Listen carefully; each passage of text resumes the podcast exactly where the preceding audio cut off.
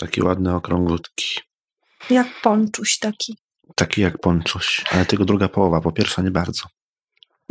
Nie rozumiem. No, piątka jest kanciata.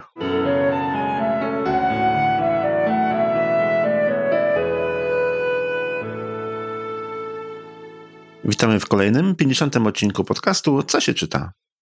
Joanna Fordal. I Krystian Zych.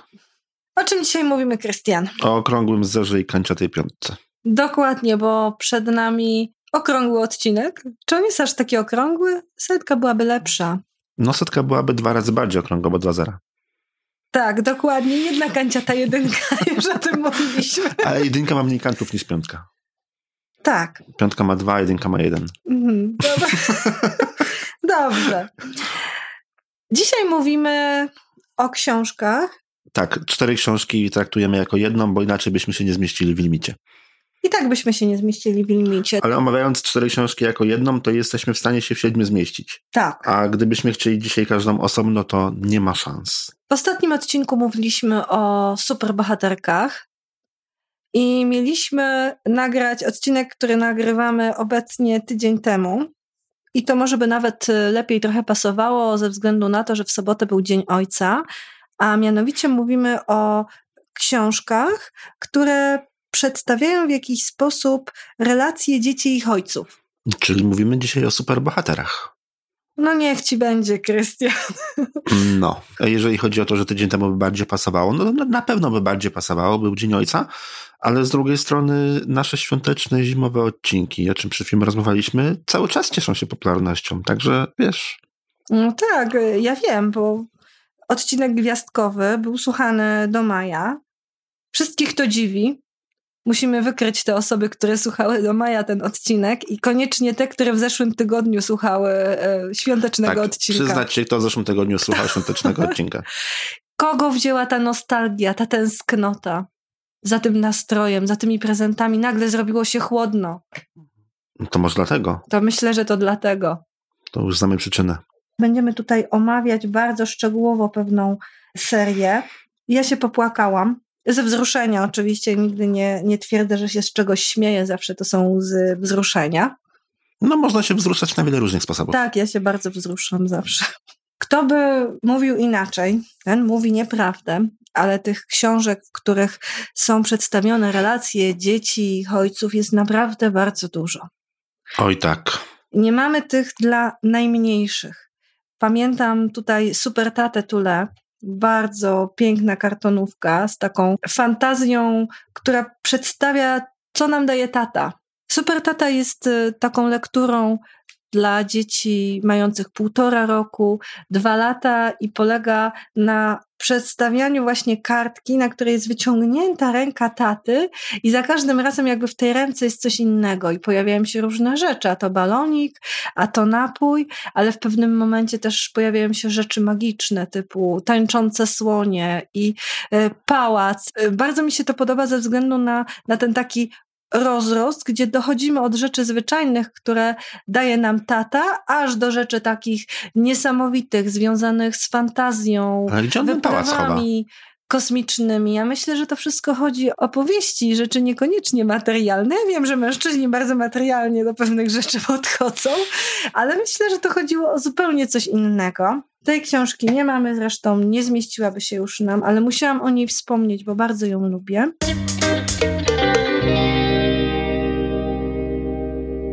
Dla młodszego czytelnika mamy tu dosyć znaną, nawet nie wiesz, jak bardzo Cię kocham. Myślę, że te postacie są przede wszystkim znane również z kreskówki, z bajki. Jest to opowieść o miłości taty zająca i małego zajączka, sama McBurtneya, ilustrowana... Czy mi się wydaje, czy to jest jedyna brytyjska książka, którą dzisiaj mamy? Wiesz co, chyba mamy jeszcze jedną brytyjską. Nie jestem tego pewna. To może jedyną. Bo tak jak już wcześniej zauważyliśmy, mamy tu, tak jak zwykle, czyli Tak, książki skandynawskie polskie i i polskie. Jesteśmy monotematyczni też. E, nasz dobór jest bardzo subiektywny i widocznie poczucie humoru nasze jest bardzo, żeby nie powiedzieć zimne patriotyczne. jak skandynawska tak, pogoda. Zimne jak skandynawska pogoda, ale jednocześnie takie natchnione i patriotyczne. Jak też o patriotyzmie porozmawiam przy okazji. Tak, tym bardziej, że planujemy również e, odcinek o takiej tematyce, chociaż e, nie tak zupełnie na poważnie, bo też nie przesadzajmy z tą powagą. Nawet nie wiesz, jak bardzo cię kocham.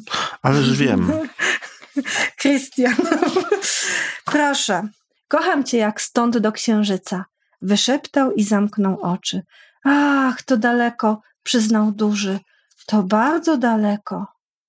To bardzo, ale to bardzo daleko. Duży brązowy zając ułożył małego na posłaniu z liści.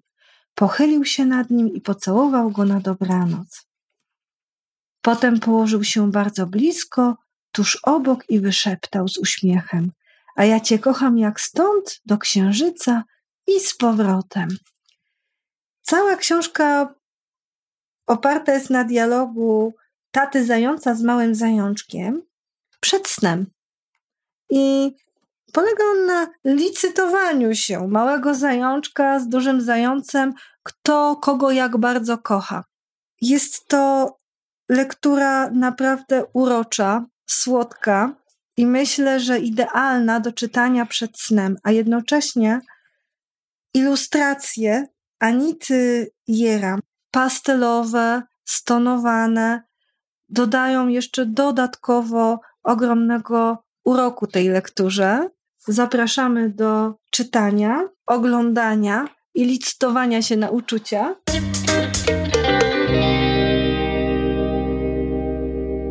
Mus jabłkowy. Jak sami stwierdziliśmy, ty też stwierdziłeś to, że jest to lektura dosyć specyficzna. Oj tak. Wydawnictwo Dwie Siostry 2016 rok. Jest to opowieść chłopca o jego tacie. Chłopiec opowiada o tym, jaki ten jego tata jest. Że jest silny, że jest duży, że towarzyszy mu jakby stale w tym jego życiu, ale czasami ten jego tata nie jest taki, jakby chłopiec chciał, żeby ten tato był. Mamy tutaj taką scenę związaną z e, przygotowywaniem musu jabłkowego. Mój tata ma ciepłe ręce, jego palce smakują musem jabłkowym. Chciałbym, żeby miał tysiąc rąk. Czasem ręce taty robią się zimne, ciskają błyskawice. Kiedy tata milknie, w powietrzu zawisa burza. Tata piorun nie jest fajny, głupi tata, myślę wtedy. Daleko stąd jest las, inaczej i lepiej. Tam poszukam nowego taty, o gładkich policzkach, mocnych mięśniach i ciepłych rękach. W tym momencie ta optymistyczna opowieść, nie tylko jeżeli chodzi o słowa, ale także ilustracje, gdzie na początku te ilustracje są takie ciepłe, powoli zaczynają się zmieniać i stają się zimne, błękitne, szare, stalowe, i w tym momencie ta książka zaczyna mi przypominać zupełnie inną książkę, o której też już wspominałam, Mhm. czyli Tam, gdzie żyją dzikie stwory. Gdzie chłopiec po kłótni z mamą wyrusza na wyprawę do lasu, który wyrasta nagle w jego pokoju. No to jest podobna pokoju- sytuacja, bo tutaj tak chłopiec po kłótni chyba, jak wynika przynajmniej z treści z tatą, również wyru- wyrusza do podobnego lasu u siebie w pokoju. I wyprawa ta kończy się bardzo podobnie.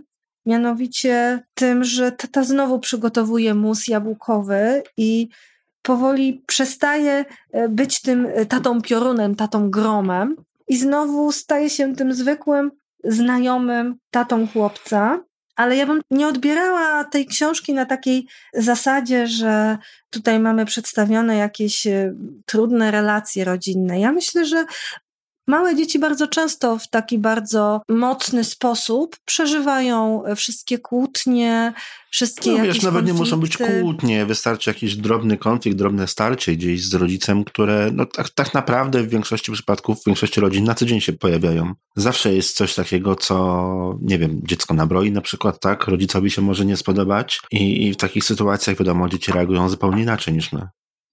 I tu właśnie został przedstawiony świat i te relacje z tatą właśnie ze strony dziecka, takie przesadzone. I przesadzone zarówno pozytywnie, kiedy jest dobrze, kiedy jest tak wspaniale, jak i przesadzone w momencie, kiedy tata zaczął się o coś gniewać. Może nawet to był wielki drobiazg dla nas, ale nie dla tego dziecka.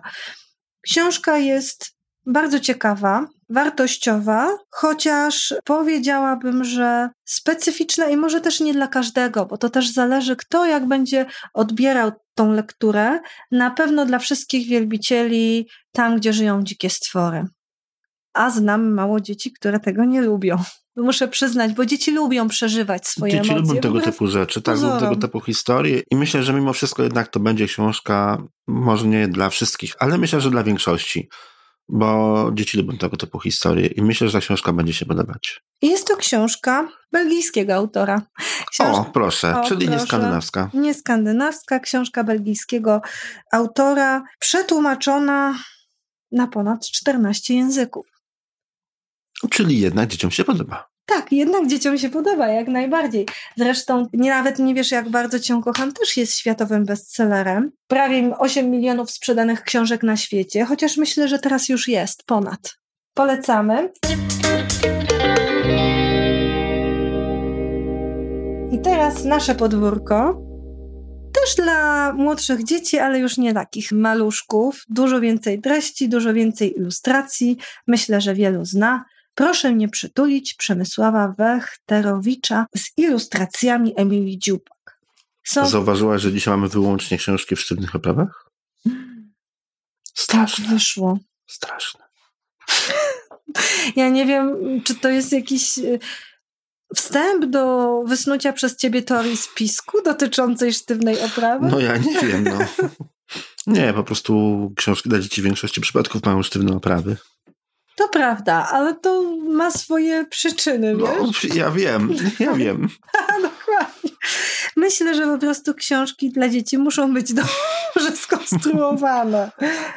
Bo mogą mieć różne wypadki, czasami zupełnie takie. Tak, tak. Niezależne od okoliczności.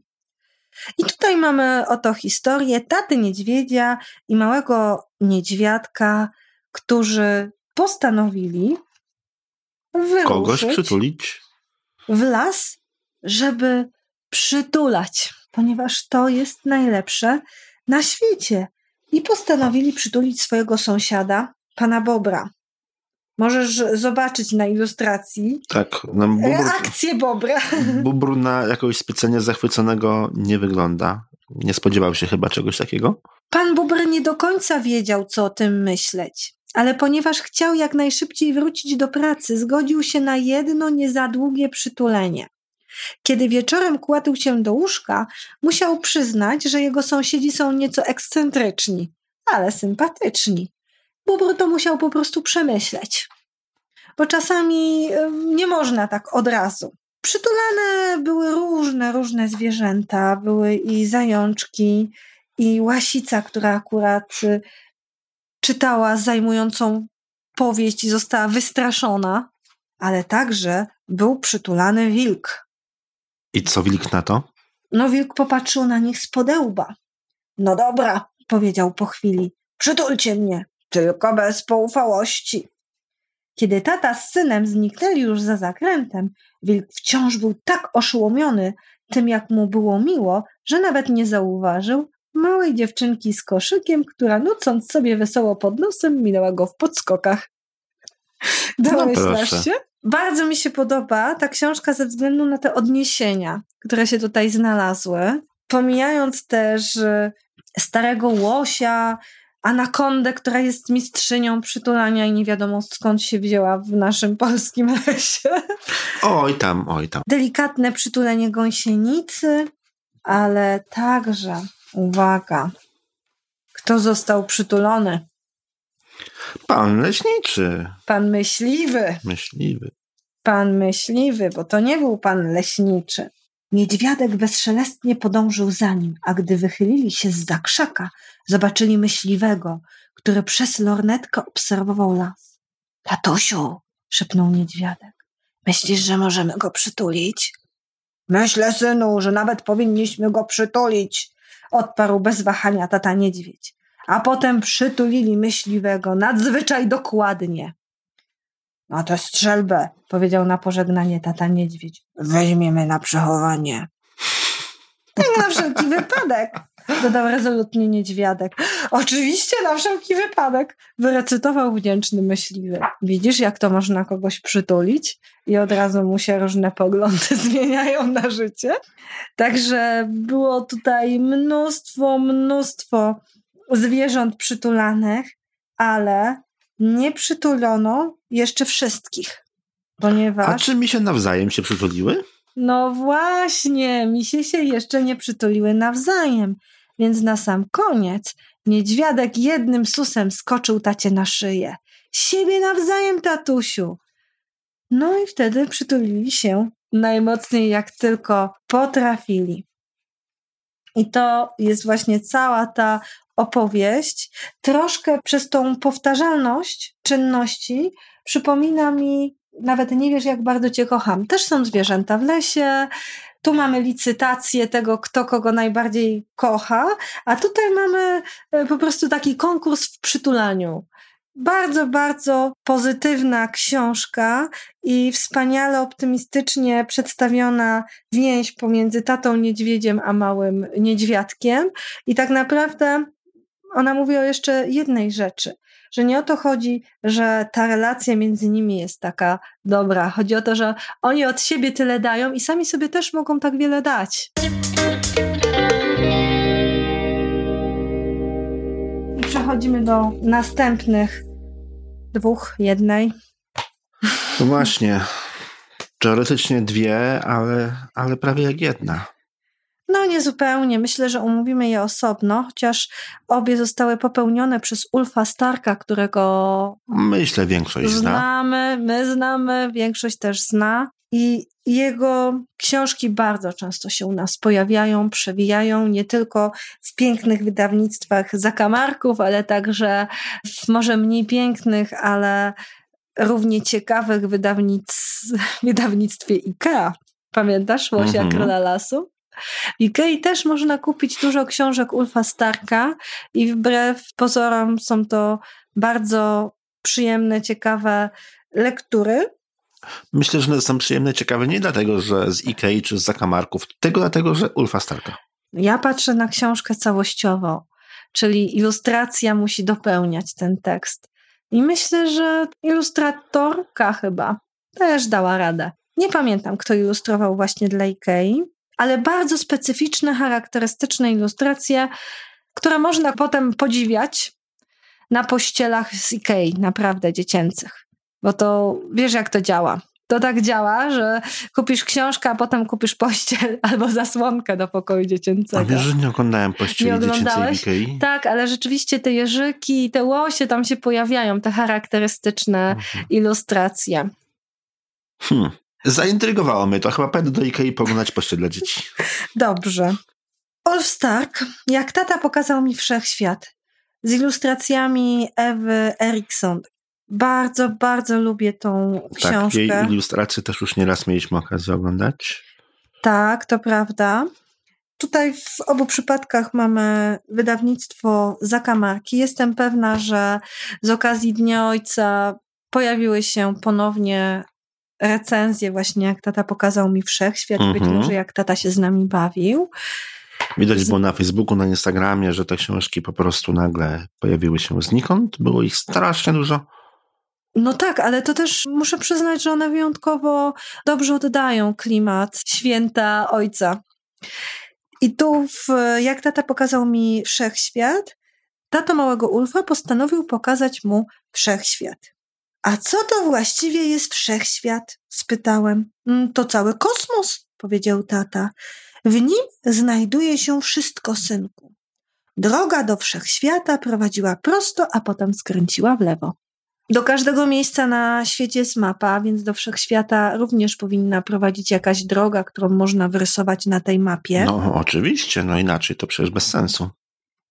I tak y, oto mały Ulf, oglądając witryny zamykających się już sklepów, razem z tatą dostał się na łąkę, na którą zazwyczaj wyprowadzano psy. Wcześniej kupili również prowiant, była to guma do rzucia, więcej we wszechświecie nie potrzebowali. I tata naraz zapytał: Widzisz? zapytał tata. A ja patrzyłem, choć było prawie zupełnie ciemno. Widziałem ślimaka ze wszechświata pełznącego po kamieniu, widziałem źdźbło trawy kołysane wiatrem kosmosu. Rósł tam też kwiat, który nazywa się oset. I był tam też tata, który wpatrywał się w niebo. Tak, tato, wyszeptałem, widzę. Wszystko to było wszechświatem. Zdawało mi się, że nigdy nie widziałem nic piękniejszego. Wtedy spojrzał na mnie tata. Nie wygłupiaj się, Ulf, powiedział. Masz patrzeć w górę.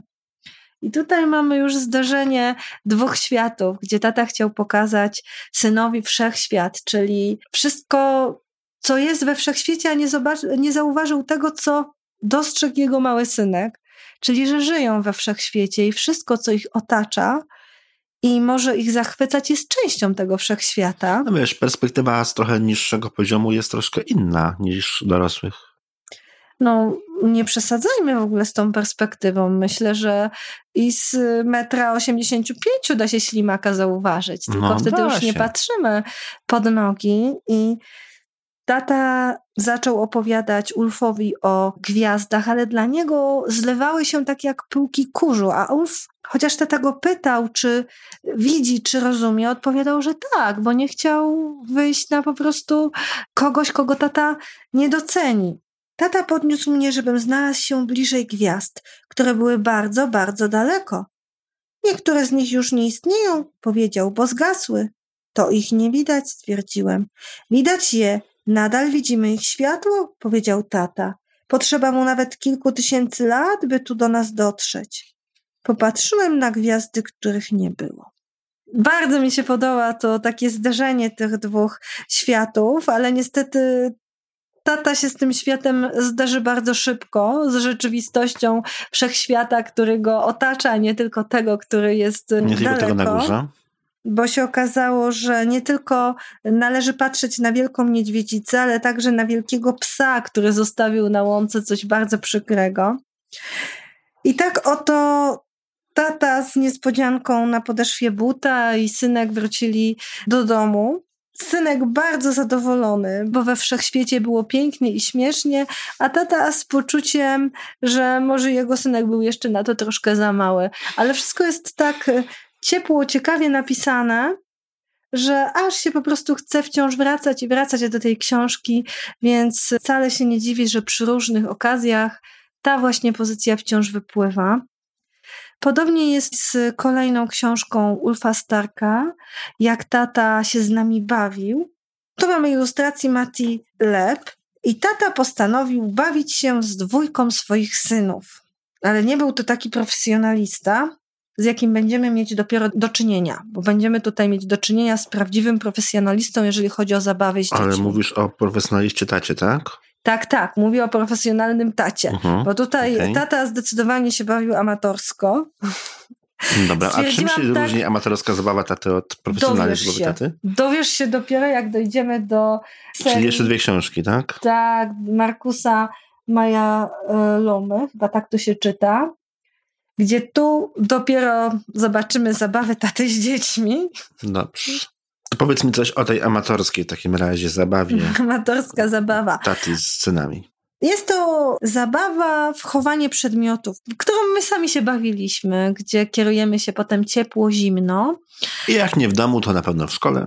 Ale tutaj ten, kto chowa klucz, wybiera sobie ptak, ryba albo pomiędzy, czyli czy będzie chował do góry, to ptak, na dole to ryba, czy pomiędzy. I w ten sposób ułatwia się szukanie. I tata postanowił, że odda klucz od szafki z gramofonem. To był błąd. Jak już możemy się domyślić, że to mógł być błąd. Domyślam się, że nie miał zapasowego.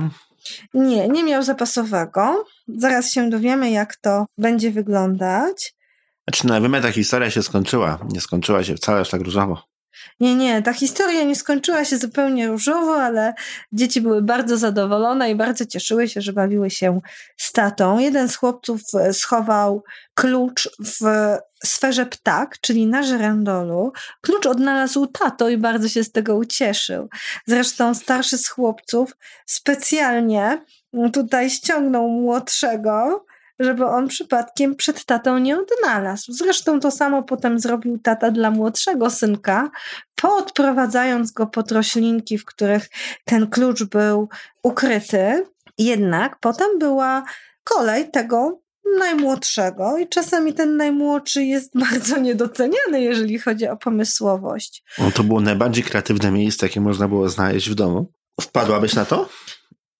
Nie wiem, może bym wpadła, ale Chodzi o to, że chłopiec wybrał strefę ryba, a rybka lubi pływać. A gdzie może pływać rybka? No, z perspektywy dziecka jest ograniczona ilość miejsc, gdzie rybka może pływać. Więc w domu była to muszla klozetowa. Tylko niestety okazało się, że nigdzie tego klucza nie można znaleźć, bo rzeczywiście przeszukiwano we wszystkich możliwych miejscach. Starszemu chłopcu zachciało się pójść do łazienki. Klucz, który leżał na dnie, nagle przestał leżeć na dnie, ponieważ chłopiec spuścił wodę. I kiedy mama wróciła do domu, tata klęczał przy swoim sekretarzyku i usiłował otworzyć zamek wsówką do włosów. Widział kiedyś na filmie, że tak się robi. A teraz chciał sobie na uspokojenie posłuchać trochę muzyki. Co robisz, Kurt? zapytała mama. Grzebie wsówką do włosów w dziurce od klucza, wyjaśnił tata. Ach tak, a poza tym co robiliście? Bawiliśmy się, powiedział tata. Bawiliście się, zdziwiła się mama. No i jak było? Nie najgorzej, odparł tata, ale na jakiś czas mi wystarczy. Mhm. I widzisz, o co mi chodziło z tym profesjonalizmem. Bardzo ciekawa, ciepła, pozycja, myślę, że dla wieku przedszkolnego. Zdecydowanie. Dla wieku przedszkolnego, podobnie jak ta poprzednia. I teraz mam tutaj jedną z książek z całej ogromnej serii. Ojej, ile tych książek jest, to trudno zliczyć. Trudno zliczyć, ja nie wiem. Nie wiem, przyznaję się, że nie wiem, ale musiała się znaleźć chociaż jedna z tego względu, że wspaniale i ciekawie przedstawia właśnie relacje dziecka z ojcem, przy czym pani jednej z tych książeczek nie zauważyłam mamy i jest to prawdopodobnie synek zamieszkały z tatą, ale nie wiem, czy w którejś z tych książek jest jakieś wyjaśnienie tego stanu. Wiem, że babcia się pojawia. A nie wiem, nie wiem, nie zwróciłem uwagi na taki szczegół. Mówimy o Albercie Albertsonie, Gunili Bergstrom i niesamowitym przedstawieniu właśnie tej relacji ojca z synkiem, która to relacja polega na bardzo dużej dozie cierpliwości ze strony taty w stosunku do ogromnej wyobraźni. Z Albertem inaczej się nie da. Przedszkolaka, dokładnie. To jest seria książek o przedszkolaku, który ma wyjątkowo bujną wyobraźnię. Tak, pomysłowość i poczucie humoru. Tak. A tata spokój i poczucie humoru.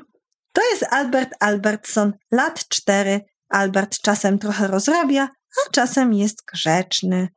To jest tata. Tata nigdy nie rozrabia i zawsze jest miły, czasem aż za miły. I to jest prawda. I to są zdania, które świetnie przedstawiają te dwie postacie. Tutaj mamy książkę Dobranoc Albercie Albertsonie i pokazane są wszystkie zabiegi taty, który próbuje skłonić Alberta do pójścia spać. To jest często bardzo trudne, więc najpierw czyta Albertowi książkę, Potem przynosi szczoteczkę i wodę do umycia zębów, ale Albertowi chce się pić, więc przynosi mu sok. Ten sok się niezupełnie przypadkiem wylewa, więc trzeba go posprzątać. Potem Albertowi się chce siusiu, więc wyciska te trzy kropelki do nocnika. Na końcu czai się potwór. Dużo, dużo różnych rzeczy tu się dzieje, ale w pewnym momencie tata który miał pójść tylko po misia, ulubionego misia Alberta, bez którego Albert absolutnie nie może zasnąć, znika. Przestaje dawać jakiekolwiek oznaki życia. Szuka misia czy zasnął? Co się stało? Zasnął szukając misia. Zasnął szukając misia. I w tym momencie to Albert koniec końców staje się tym opiekuńczym przykrywaczem kocykiem i sam też zasypia bez tysiąca zabiegów. No Bardzo jak już się... nie ma z kim się bawić, to już poszedł spać. Dokładnie, ale podoba mi się takie ciepłe przedstawienie tych relacji bez takiego zniecierpliwienia, chociaż to nie jest tak różowo, bo są też części, w których i tata się potrafi zezłościć. Pospiesz się Albercie na przykład, gdzie tata w tym momencie już naprawdę nie jest w stanie wytrzymać tego, że Albercie tak guzdrze przed wyjściem Ale do daje przedszkola. radę. Ale daje radę. Tata jest Ale wyjątkowo cierpliwy. Jest wyjątkowo cierpliwy, ale w pewnym momencie zaczyna krzyczeć, że ma dosyć już tego tylko jeszcze, a na końcu sam wpada w pułapkę tego, że tylko jeszcze by mógł coś zrobić. A w końcu niedaleko pada jabłko od jabłoni. No tak mówią. Polecamy serię. Myślę, że nawet nie trzeba jej za bardzo polecać. Nie, myślę, że nie. Ale myślę, jest że to jest to seria bardzo popularna, bardzo znana i, i polecamy. No. Ciekawa Nie seria. będzie, polecamy. Ciepła dla przedszkolaków. Polecamy. Przechodzimy do serii, Książka którą... numer 70. Tak, książka numer 70. Jesteśmy, jak serii. skończymy serię książek numer 70, będziemy w połowie. Jest to seria, którą ja niedawno odkryłam. Wcale nie jest taka nowa. Nie, Wydawnictwo nie jest taka nowa. Bona. No dla mnie nowa. To jest ten profesjonalny tato, tak? Tak, zaraz się dowiesz, na czym polega różnica pomiędzy amatorem a profesjonalistą. Okej. Uśmiałam się niesamowicie, bo też pierwszy raz y, trafiłam na tą serię. Nie, ja zdawałam sobie sprawę z jej istnienia, ale jakoś nie zastanawiałam się nad tym, bo jest, tych serii jest tak wiele. Człowiek Jest, na- jest, jest. Tą znam akurat książkę, tą drugą, którą tutaj trzymasz i z tych, które tu masz, to znam tylko drugą i czwartą. To czytałem przynajmniej. Nie? Rzeczywiście mam dwa skojarzenia z innymi seriami książkowymi, mianowicie właśnie z duetem Petson i Findus. Podobny typ humoru i ogrom tych takich przygód lawinowych.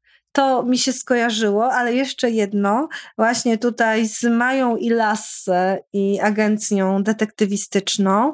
Chodzi przede wszystkim o takie zadziorne ilustracje, o tą kreskę taką specyficzną. No i miasteczko.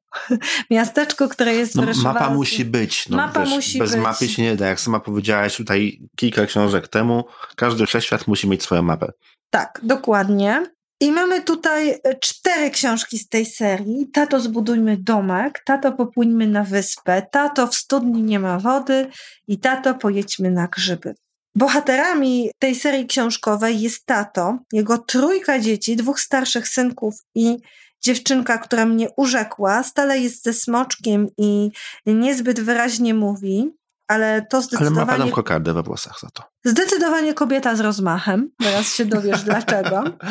Częścią bardzo ważną tej rodziny nie jest, to znaczy na pewno jest, ale nie chodzi tu o mamę. Chodzi tu o sąsiada, hydraulika. Tak. Mhm. Tak, ten sąsiad sąsiada- się pojawia w wielu książkach i ten sąsiad jest niezwykle istotną postacią. Tak, sąsiad jest niezwykle istotną e, postacią, jest jednym z duetu, ojej, skojarzyło mi się z sąsiadami. Z tą czeską bajką, tak? Tak, z tą Sąsiadami? czeską bajką. Dokładnie tak działa mniej więcej. Mhm. I czasami próbuję na No, tej tak, zasadzie sposób- działać z tatą. Sposób działania jest zbliżony, faktycznie. Tak, sposób Mhm. działania tego pana jest zbliżony. Urzekł mnie po prostu w tato studni nie ma wody. Mhm. Tutaj wy, wysunął się na pierwszy Tak, plan. tam sąsiad dał pokaz swoich możliwości, Tak. zdecydowanie. Zdecydowanie, ale w każdej części był bardzo kreatywny. Natomiast mama jest taką postacią, która No, jest gdzieś tam jest, tak? Jest. Jest mamą, która pracuje dłużej niż tata. Więc zanim mama przyjdzie do domu, to tata już zdąży naprawdę zrobić szereg rzeczy razem ze swoją dziatwą i sąsiadem. I zazwyczaj mama już tylko widzi spektakularne efekty owych działań, gdyż wraca trochę później. Czyli wielkie boom na końcu. Zawsze jest nimi zachwycona, ponieważ efekty końcowe okazają się zdumiewająco pozytywne, biorąc pod uwagę wszystko, co się dzieje pomiędzy. Prawdopodobnie przez przypadek. Prawdopodobnie przez przypadek. Tato zbudujmy domek jest takim przykładem, gdzie mama podziwia te spektakularne efekty, jest nimi zachwycona, bo one są takie bardzo pozytywne. Tata przez telefon mówiąc dzieciom, że się spóźni, bo tutaj mamy życie współczesnej rodziny no bardzo współczesnej. Mamy tu i laptopy, i smartfony, i rodziców długo pracujących, i dzieci, które składają sobie robota, więc nie mamy tutaj już takiego klimatu jak w Petsonie i Findusie, ale mamy zdecydowanie współczesną rodzinę. I tata daje dzieciom radę. Jak byłem mały, to brałem na przykład dwa krzesła, robiłem z nich samochód i jechałem do Afryki. Tak wiecie, na niby. Też coś sobie zbudujcie. Macie tam pełno różnych gratów. Na pewno coś wymyślicie. Zaraz będę. No i w końcu tata wraca. Tata wraca, w domu porządek, zadziwiająco duży porządek. Mhm. I nagle się okazuje, że dzieci wyniosły z domu wszystkie rzeczy, które uznały za graty, gdyż gratami nazywała je mama, natomiast tata nazywał je bezcennymi antykami. I to był ten konflikt, jeżeli chodzi o mamę i tatę, co jest z gratami, a co z antykami. Dzieci wyniosły wszystko, co mama uznawała za graty i zrobiły sobie takie domowe wysypisko śmieci, bo nic innego się nie dało z tego zbudować, ale wysypisko śmieci było świetne.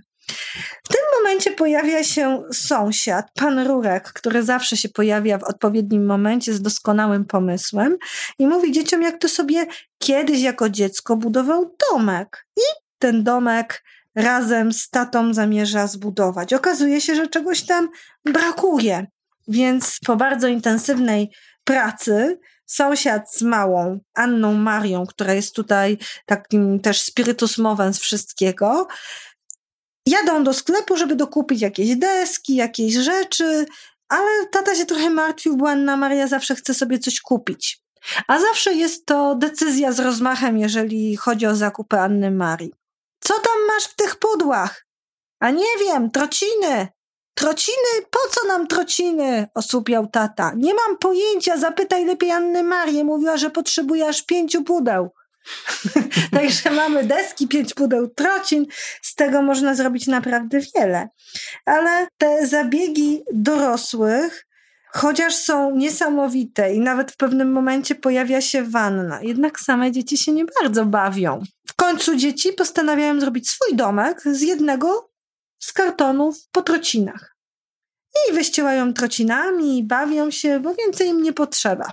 Nie będziemy opisywać całej katastrofy, która dotknęła domek na drzewie budowany przez tatę i pana Rurka. W każdym razie katastrofa była spektakularna i skończyła się dramatycznie za, zarówno dla pana Rurka, jak i dla taty. W każdym razie dzieci musiały wytłumaczyć tacie, że pana Rurka nie ma, gdyż pojechał na jarmark do Jarworek, a tata zawisł na drzewie. No i to nie był koniec. I na to całej... wszystko wyszła mama? Nie, nie, to nie był koniec y, całej tej katastrofy, bo oczywiście najstarszy postanowił zadzwonić do odpowiednich służb i przedstawić całą tą sytuację dramatyczną i tragiczną, żeby przyjechali ratować tatę. No ale w międzyczasie także okazało się, że dochodzi do tego kolejny dramat, mianowicie Annie Marię chce się kupę i ktoś musi jej podetrzeć pupę, a żaden z chłopców tego nie zrobi, więc y, panowie z służb odpowiednich dowiadują się najpierw o tym, co jest ważniejsze, czyli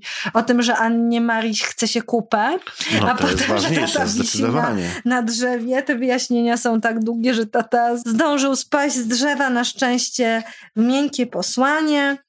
A kiedy mama wraca, jest bardzo zdziwiona, ale jednocześnie zadowolona, bo nagle okazało się, że tata był tak pracowity, że wyniósł wszystkie śmieci i graty do ogrodu, oczyszczając mieszkanie i jeszcze bawił się z dziećmi, bo zrobił z nimi taki ładny domek. Brawo tata. Brawo tata i to jest prawdziwy profesjonalista. No tak, no to ten amator przedtem czynnik to faktycznie amator jak ten tata się bawi, to nie ma takiego we wsi po prostu. I bardzo podobna rzecz się dzieje tutaj, tato, popłyńmy na wyspę. Wszystkie te książki są w bardzo podobnym stylu robione. W bardzo podobnym stylu i... Pomysł goni pomysł, przygoda goni przygodę. Troszkę jak u Hitchcocka, tak. Mnóstwo się dzieje, tak. Mnóstwo się dzieje, zaczyna się katastrofą, potem jest coraz gorzej każdym razie tutaj pomysł jest taki, że tata postanawia pojechać jeszcze, skoro ma trochę czasu, zanim mama wróci, z dziećmi na przystań. I oczywiście z tego wszystkiego robi się niesamowita znowu przygoda, również związana z kosztami. A jako, że Anna Maria zawsze musi mieć coś ulubionego przy sobie, w jej przypadku rzadko to jest miś. Anna Maria wpychała do wózka zegar wahadłowy. Chwila, chwila, powstrzymał ją tata. Po co nam te wszystkie graty? Akurat zegara na pewno ze sobą nie weźmiemy. Co to, to nie. Anna Maria teatralnie upadła na podłogę i wybuchnęła płaczem. No, ale tato, ona bardzo by chciała zabrać ze sobą ten zegar, zaprotestował Olaf. Zegar jest dla Anny Marii bardzo ważny, potwierdził Konstanty. Matko jedyna, westchnął tata. No dobrze, weźmy go. Dopiero by się ludzie zdziwili, gdybyśmy nie mieli ze sobą zegara wahadłowego. Szczegółów tej historii zdradzać nie będziemy. Dość dużo opowiedzieliśmy na zachętę o tato zbudujmy domek, ale mamy także tato pojedźmy na grzyby. I oczywiście tutaj znowu tata wrócił trochę wcześniej, a że kupił po drodze nowy samochód, to... Fajny tata, który wracając z pracy po drodze kupuje samochód. Myślę, że to było już w planie wcześniej. Dzieci, które troszkę potokiem sąsiada, bawiły się na furtce. Sąsiad znowu tutaj snuł opowieści, między innymi o grzybach. Dzieci bardzo chciały pojechać. Tata się w końcu godzi, żeby pojechać na te grzyby. Oczywiście pan Rurek też się wpakował do samochodu, bo bez niego to by nie była udana No nie, bez niego wyprawa. katastrofa byłaby zbyt mała. Katastrofa byłaby zbyt mała. I oto, co tym razem Anna Maria zabrała ze sobą na grzyby. Po długim milczeniu skierował spojrzenie na maszt do flagi, który w całej okazałości prężył się nad samochodem. Jeśli pan maszt flagowy również wybiera się na grzyby, to z przykrością muszę stwierdzić, że nie widzę najmniejszej potrzeby, by gubił się pan w lesie. Proszę w tej chwili wrócić tam, skąd się pan tutaj pojawił. Gdy tata wypowiedział ostatnie słowa, Anna Maria rzuciła się na ziemię. Uderzała pięściami o podłogę przyczepy i wykrzykiwała coś, z czego nie dało się zrozumieć ani słowa. Konstanty oznajmił, że tata nie zdaje sobie chyba sprawy z tego, jak wielką rolę w życiu Anny Marii odgrywał zawsze maszt flagowy. Przecież my nigdy nie mieliśmy żadnego masztu, krzyczał tata. Skąd on się w ogóle wziął w moim samochodzie? Wówczas pan Rurka chrząknął kilkakrotnie i oznajmił. Właśnie ściągałem flagę z masztu, gdy przyszła Anna Maria i poprosiła mnie, bym dołączył do wyprawy na grzyby. Powiedziałem jej oczywiście, że nie skończyłem ściągać flagi. Ale ta czarująca młoda dama nakazała mi zabrać maszt ze sobą. Pomyślałem więc, no maszt jest w każdym razie spakowany na przyczepkę. Spakowany na przyczepkę, powtórzył tata i przewrócił oczami. A więc takie to proste. No dobrze, zabierzmy go. W końcu co to za las, w którym nie ma ani jednego masztu flagowego? Ale jak się później okazało, maszt flagowy okazał się bardzo istotny, ponieważ został postawiony na łące i przyozdobiony wspaniałą chorągiewką w postaci kalesonów. I w pewnym momencie, kiedy coś, co wydawało się strasznym niedźwiedziem, zresztą dzieci to pokazują w atlasie zwierząt, że ryczy na nich coś strasznego, brązowego i kudłatego. Jednak niedźwiedzie rzadko kiedy robią mu. Z reguły nie robią. Z reguły nie robią mu. Jednak doprowadziło to do różnych e, dramatycznych wydarzeń, mianowicie pan Rurek e, porwał dzieci, udał się w jednym kierunku, a tata udał się w zupełnie innym kierunku i pewnie by się zgubił, Gdyby, Gdyby nie wdrapał nie się na drzewo mhm. i zauważył maszt flagowy z powiewającymi tam radośnie żółto-czerwonymi kalesonami. No taki maszt, jak widać w lesie, też może być bardzo cenny. Dokładnie i to cała ta przygoda skończyła się bardzo dobrze. Mama była bardzo zadowolona, że tato zabrał dzieci na grzyby, zorganizował im taką wspaniałą wycieczkę. Jednocześnie wolała nie pytać, skąd wzięli krowę. Z lasu, przyprowadzając ją z grzybów. Chociaż tutaj moim. Ciekawe, absolutnie... czy pamiętali zebrać jakieś grzyby. absolutnie ulubiona z tych, które przeczytałam. Tato w studni nie ma wody z naszym profesjonalistą od zabawy, gdzie tata szuka różnych ciekawych ogłoszeń w swoim nowym komputerze, w laptopie, ale jednocześnie, żeby dzieci nie przeszkadzały, to pozwala im złożyć jakiegoś robota. I ten robot y, ma to do tego, że jest to kolczatka stukatka w slangu Anny Marii kolcatka stukatka i stuka sobie. Dzieci nią kierują, a ona sobie stuka. I tak się przypadkiem stało, że stuknęła w komputer taty i tak rodzina nabyła domek letniskowy. A jakie niebezpieczne jest stukanie w komputer taty? Można domek letniskowy kupić. Można kupić domek letniskowy. Nad jeziorem. Tym bardziej, że ten domek letniskowy wyglądał zupełnie inaczej na zdjęciu ponieważ zdjęcie zostało zrobione tak, że to teren wydawał się krzywy, a nie sam domek, jednak okazało się, że domek stoi na równinie i sam domek jest krzywy.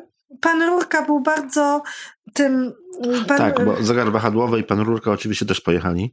Nie, nie, pan Rurka nie pojechał. Pan Rurka był wręcz przerażony tym, że nie pojechali razem z nim, ponieważ miał dla nich bardzo, bardzo ważne narzędzie. Ja tutaj trzyma je w gazecie i pojechali bez tego narzędzia. No i okazało się już bardzo szybko, że w studni straszy, bo coś buczało na dzieci i huczało na dzieci, że wszystkie meble jeżdżą po podłodze i trzeba robić specjalne zabiegi, żeby te meble jakoś tak w miarę prosto stały, że dzieci po prostu w swoich łóżkach w pewnym momencie jeżdżą po podłodze, że domek jest trasą przelotową różnych ptaków. Mama oczywiście w tym czasie jest na konferencji i nie wie, co się dzieje. Tata miał zorganizować wakacje dzieciom, to też organizuje, a że jest tatą z wyobraźnią wielkim rozmachem, także organizuje. Nagle się e, okazało, skąd się wzięły stuki, puki, różne huczenia ze studni. Mianowicie siedział w środku tej studni pan Rurka, czy pan Rurek. Dlaczego? Nie powiedział, że przyjechał, bo nie chciał wystraszyć dzieci. Było to absurdalne, bo siedział w studni i huczał i straszył dzieci. Ale okazało się bardzo szybko, że nigdzie tutaj nie ma wody. Pan Rurka postanowił tą wodę odszukać za pomocą swojego narzędzia, czyli swojej różdżki wodnej, bo to było to specjalne narzędzie tego różdżka wodna, ale również mamy technikę w natarciu, ponieważ kolcatka, stukatka wzięła w tym przedsięwzięciu udział. Tutaj wszystko widać na kamerze, jak tu pan Rurka wyczuwa żyłę wodną, a kolcatka, stukatka mają po prostu naruszyć i w tym momencie okazało się, że w studni jednak jest woda. No i tak, jak to w niektórych baśniach z takimi młynkami, które same mielą, woda ze studni wypływała i wypływała i wypływała i w końcu zaczęła tworzyć ogromne rozlewisko. No i oczywiście otaczać domek. W pewnym momencie zaczęliśmy mieć do czynienia nie z domkiem nad rozlewiskiem, a domkiem na rozlewisku.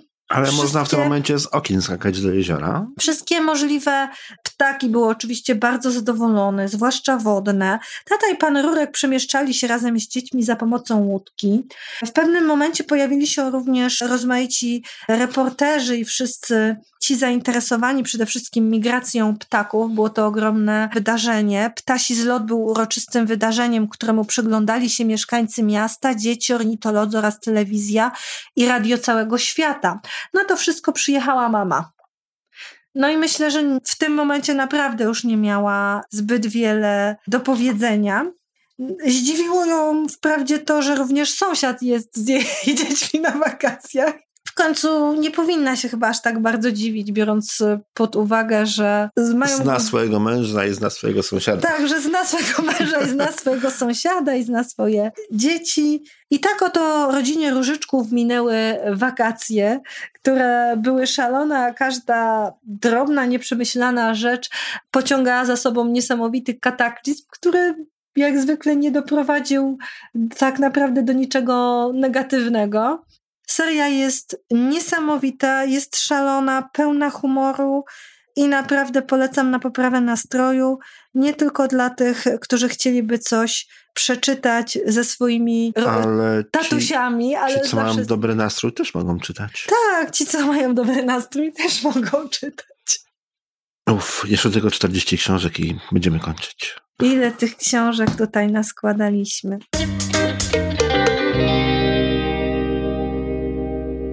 Mamy kolejną książkę z serii, ale nie będziemy tej serii szczegółowo omawiać. Nie, bo to jest kolejna długa seria. I... Podobnie jak nie omawialiśmy tutaj Alberta Albertsona, omówiłam tą serię ze względu na to, że samą mnie po prostu zaciekawiła i pierwszy raz jakby się z nią zetknęłam tak e, bardziej poważnie, ale tutaj tylko omówimy jedną książkę to były z serii. poważne spotkania z niepoważnymi książkami. Nie były niepoważne. to mamy książkę Kiedy ostatnio byłam szczęśliwa. Ros Lagerkrantz i Ewy Erikson. Czyli ilustratorki, której książki już dzisiaj mieliśmy. Tak, dokładnie. I jest to seria o Duni. O Duni, która jest dziewczynką przeżywającą bardzo mocno swoje życie. Jest to książka w dużym stopniu o uczuciach, o emocjach i równie dobrze mogłaby się pojawić w naszym odcinku, czy należy bać się strachu. Bo to, to jest właśnie taka książka, którą bym zaliczyła do tej kategorii, ale zwróciłam też uwagę na pewną rzecz. Tutaj Dunia jest e, dziewczynką, która ma tylko tatę. Ma dziadków, ma tatę, ponieważ jej mama zmarła, więc jest półsierotą i mimo tego jest to bardzo optymistyczna książka i optymistyczna seria, ale w bardzo ciekawy, piękny, wzruszający sposób przedstawia też relacje dziewczynki z jej tatą. Dunia nie pamięta zbyt wiele z czasów, kiedy miała mamę. Była wtedy taka mała, Pamięta chyba tylko to, jak jej powiedziano, że mama umarła. Wtedy tata płakał. Kilka lat później tata powiedział jej, jakie były ostatnie słowa mamy. Mama poprosiła go: Pożegnaj ode mnie wszystkich, zwłaszcza Dunię. Dobrze to wiedzieć. Kiedy mieli rysować swoją mamę, Dunia rysowała tatę. I mimo, że Dunię spotkało nieszczęście, Dunia jest szczęśliwą osobą. Jasne, że nie zawsze, bo to jest y, niemożliwe, ale w tej części z serii chyba najbardziej widać tą relację z tatą, tym bardziej, że tutaj zdarza się coś, co nigdy nie powinno się zdarzyć, co nie powinno się stać. Mianowicie tata ulega wypadkowi i nagle się okazuje, że Dunia drugi raz jest w tej samej sytuacji i musi sobie jakoś z tym poradzić, bo tata jest w śpiączce. Na szczęście tata się wybudza, nie znamy tutaj dalszych, dalszych losów. Wiemy tylko, że stan taty się polepsza, a Dunia jedzie do swojej najlepszej przyjaciółki na wakacje. Jednak sposób, w jaki opisane są uczucia, emocje, taki ciepły, humorystyczny, naprawdę sprawia, że jest to wyjątkowa seria książek. Także polecamy przygody Duni. W każdej praktycznie z tej serii widać ten związek dziewczynki z ojcem. Wybrałam te książki ze względu na tematykę naszego odcinka, ale równie dobrze możemy tą serię polecić na przepracowywanie różnych innych rzeczy, bo w, również w pewnym momencie Dunia rozstaje się ze swoją najlepszą przyjaciółką, która się przeprowadza, ma potem różne trudności w klasie ze swoimi kolegami, z koleżankami. I przedstawione są również konflikty, to jak je rozwiązywać, to jak reagują na to nauczyciele, rodzice. Więc dla wszystkich tych, którzy by chcieli troszkę się powzruszać, trochę posmucić i przede wszystkim pośmiać. Czyli dla tych wszystkich, którzy lubią takie bardzo emocjonalne lektury. Ale to już dla dzieci szkolnych. No, to tak. już wyszliśmy z przedszkola. Wyszliśmy zdecydowanie z przedszkola. Myślę, że tutaj tato w studni nie ma wody jest dla późnych przedszkolaków, ale także dzieci w wieku wczesnoszkolnym hmm. się y, nieraz na tym uśmiechną. Ja po prostu wczoraj Oj, dostałam na pewno. ataku przepukliny przez przygody taty i sąsiada oraz przez rozmach Anny Marii. Mhm. I tutaj myślę, że też przynajmniej taki początek podstawówki. Nie?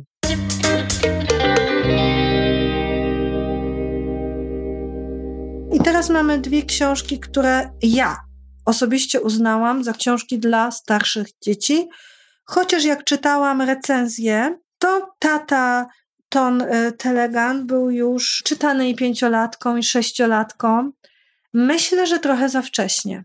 Ale to jest moja taka subiektywna opinia i tak naprawdę Myślę, że rodzic, opiekun lepiej zna dziecko, któremu czyta i jego poczucie humoru i poczucie estetyki. No i umiejętność rozumienia treści też, tak? tak? przede wszystkim. Przede wszystkim masz Moim rację. zdaniem trochę starszych i dzieci młodsze mogą po prostu nie zrozumieć.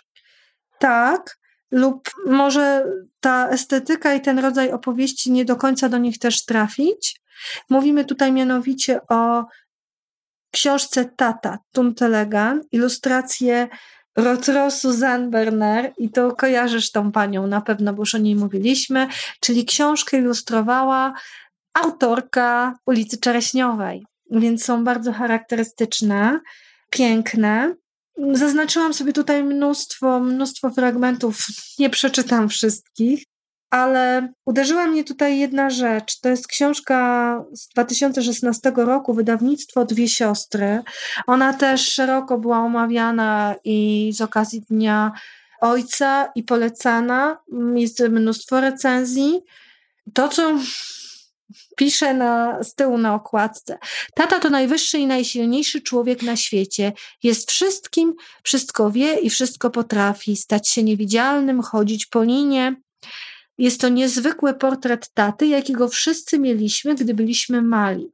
Z no jednym... właśnie, powiedziałeś, nie do końca jest to książka o tym, co jest napisane na okładce. Według mnie. Chodzi o to, że każdy subiektywnie bardzo podchodzi do treści. Ja zupełnie inaczej odebrałam te historie. Są to absurdalne historyjki chłopca o jego tacie który jest najwyższy, najwspanialszy, jest bohaterem, jest wyższy niż dom i potrafi powstrzymać i wojnę, i śmierć, więc jest naprawdę takim super tatą, hiper super tatą. Z drugiej strony pojawiają się tutaj pewne takie rzeczy, które każą mi podejrzewać, czy tak naprawdę ten tata w ogóle istniał.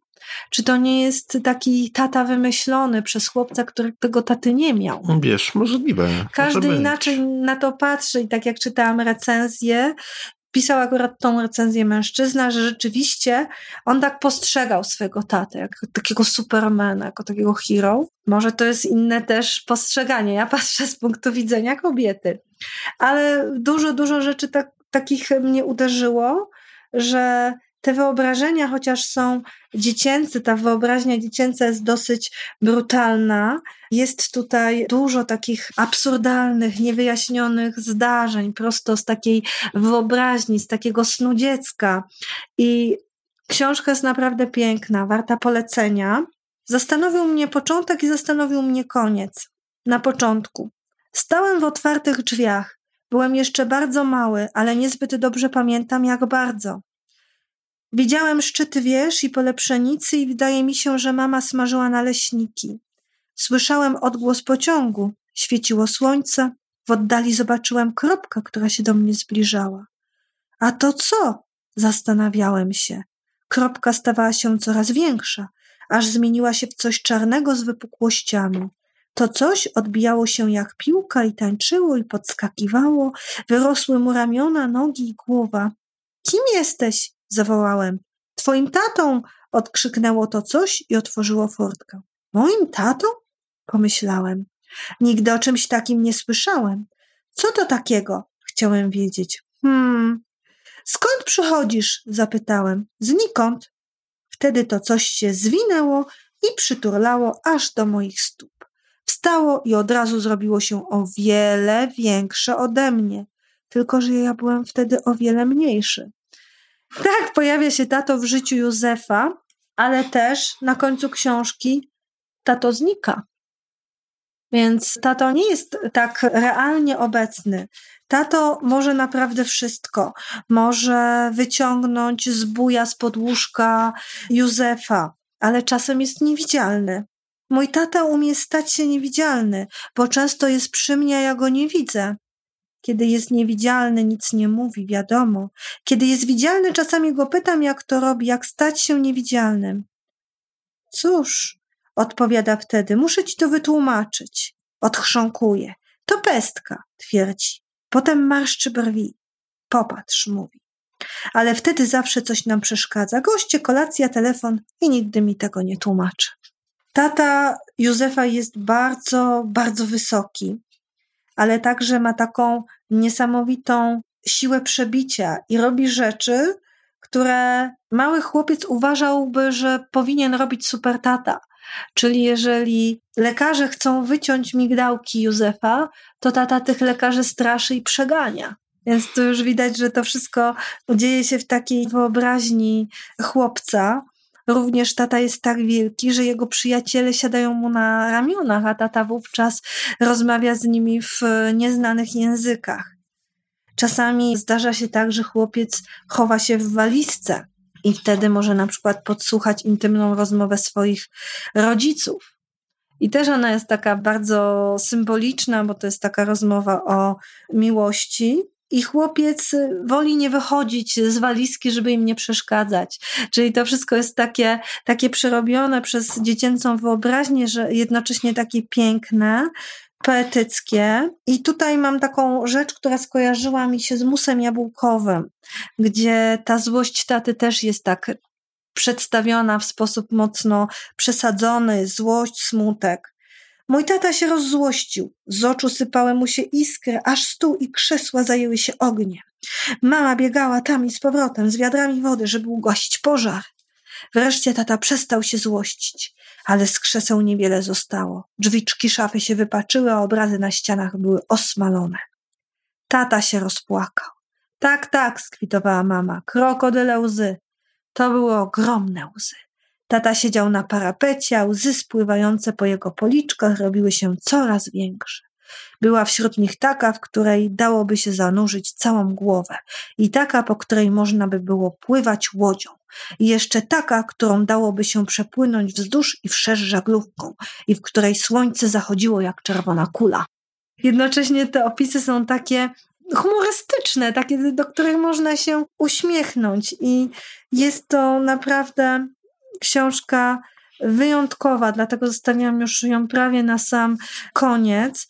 Tu dzieje się bardzo dużo rzeczy, mianowicie chłopca w pewnym momencie ktoś porywa, tata go ratuje, dzieją się takie rzeczy fantastyczne, niesamowite, ale pomiędzy tymi takimi wyobrażonymi przygodami, gdzie tata jest takim superbohaterem i rycerzem i kimś, kto pokona nawet śmierć i powstrzyma wojnę. Pojawia nie się... mieć takiego tatę pojawia się tata, który się łamie. Tata się złamał, po prostu rozpadł Ojej. na dwie części. Chwilę potem pojawił się doktor. No, no, powiedział, porządne złamanie. Tak, przyznał tata, tak jakoś wyszło. To dlatego, że, zaczęła mama, pst, uciszył ją tata. Czy to się już zdarzało? zapytał lekarz. Prawie nigdy, odpowiedział tata. Rzadko się łamie, a jeśli już, to zawsze wzdłuż. No, no, dumał doktor. Drapał się za uchem i wzdychał. No i udało się zszyć obie części taty. Mama otarła e, łzy. Tata pochylił się, pocałował ją i nie złamał się jakoś. Ale to wszystko tak właśnie bardzo symbolicznie opisane jest to, jak tak naprawdę świat widzi dziecka. Często są takie wyobrażenia baśniowe, bez zrozumienia pewnych mechanizmów, więc musi to tak wyglądać. Tata jest olbrzymi, tata jest niesamowity i przerażające są w tym momencie chwile, w których tata się łamie zwyczajnie w świecie i też jest to tak bardzo obrazowo pokazane. Również w pewnym momencie to tata jest porwany i syn wyrusza mu na pomoc, ale dzieje się też tak, że czasami tata zwyczajnie w świecie znika i nie wiadomo, czy pojawi się jeszcze. Mówią, że mam najbardziej skomplikowanego tatę na świecie i mają rację, to pewne. Nie bałem się, że może już nie wrócić. Zawsze wraca.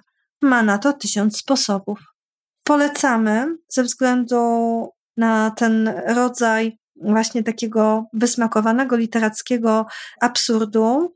Niekoniecznie dla dzieci przedszkolnych. Nie jestem pewna, czy dla dzieci wczesnoszkolnych. Nie wiem, to mi się wydaje, że mi się wydaje, że nie szybciej niż początek podstawówki, początek szkoły. Wydaje mi się, że przedszkolaki są na to troszkę za małe. Zdecydowanie. To zależy też od indywidualnych zainteresowań, ale chodzi o inną rzecz. Ja rozumiem, że można z dziećmi czytać pewne książki dużo wcześniej, ale czy może nie warto z nimi zaczekać na to, kiedy naprawdę będzie na nie czas? Jest mnóstwo literatury bardzo ciekawej odpowiedniej dla danego wieku. Mhm. I może nie ma co przesadzać tutaj z takimi treściami, które rzeczywiście mogą być niezrozumiane lub opacznie zrozumiane, albo zniechęcą do przeczytania tej książki później, a jest ona bardzo wartościowa. Mam tu w ręku jak Jerzy Jerzy został tatą Doroty Somińskiej. Też się zastanawiałam nad tą książką, czy ona się tutaj pojawi w ogóle w naszym rankingu. Jest to druga część książki Wierzę, wierzę.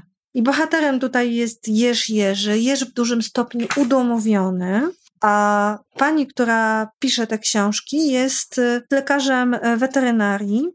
Książka jest nie tyle o kontaktach właśnie dzieci z rodzicami, taty z ojcem, chociaż tutaj jest narysowany jeż, który ma wokół Dużo siebie jeżątek. małe jeżątka. Jest to lektura zupełnie inna niż nawet nie wiesz, jak bardzo cię kocham o dwóch zajączkach. Ewentualnie proszę mnie przytulić, dlatego że tutaj mamy zwierzęta, które mają cechy ludzkie. W pewnym sensie Jerzy Jerzy też ma cechy ludzkie, ale zostały tu zachowane przede wszystkim realia świata zwierzęcego. I bardzo dobrze, bo powiedziałabym, że książka ma ogromne walory edukacyjne i to już nawet nie jest dla dzieci, myślę, że dla dzieci szkolnych po prostu, jako też e, ciekawostka, jako uzupełnienie tej wiedzy z przyrody, z biologii, jako coś, co zachęci do poznania świata przyrody ale także z jednej strony jest to książka o relacjach rodzicielskich i może warto by dowiedzieć się, jak naprawdę one wyglądają w świecie zwierząt. Bo tutaj Jerzy Jerzy od razu zaznacza, że rzeczywiście właściwie to jego narzeczona, a później żona Irena tłumaczy mu, bo on jest Jerzem udomowionym, Irenka nie, że tata Jerzowy nie zajmuje się dziećmi i nigdy nie widzi swoich dzieci. Jednak Jerz Jerzy bardzo się upiera przy tym, żeby być ze swoimi dziećmi, ponieważ jest Jerzem wyjątkowym. Jerzem, który patrzy na świat trochę jak człowiek i z takiego zupełnie innego punktu widzenia, chociaż to wszystko staje się pretekstem do tego, żeby opowiedzieć trochę, skąd się biorą właściwie dzieci. I to jest lekcja biologii? Taka szczegółowa w tej książce? Tak, jest bardzo szczegółowa lekcja biologii, bo dzieci mogą się dowiedzieć, skąd biorą się właściwie dzieci. Również jak rodzą się dzieci, troszkę mogą się dowiedzieć o DNA, o bakteriach, a więc cała ta historia, zresztą ciekawa, jest także pretekstem do przedstawienia w atrakcyjny sposób takich e, faktów naukowych. I bardzo mi się tu podoba, chociaż nie brakuje prób e, jeża bycia tatą takim jak człowiek. No to może być trochę skomplikowane.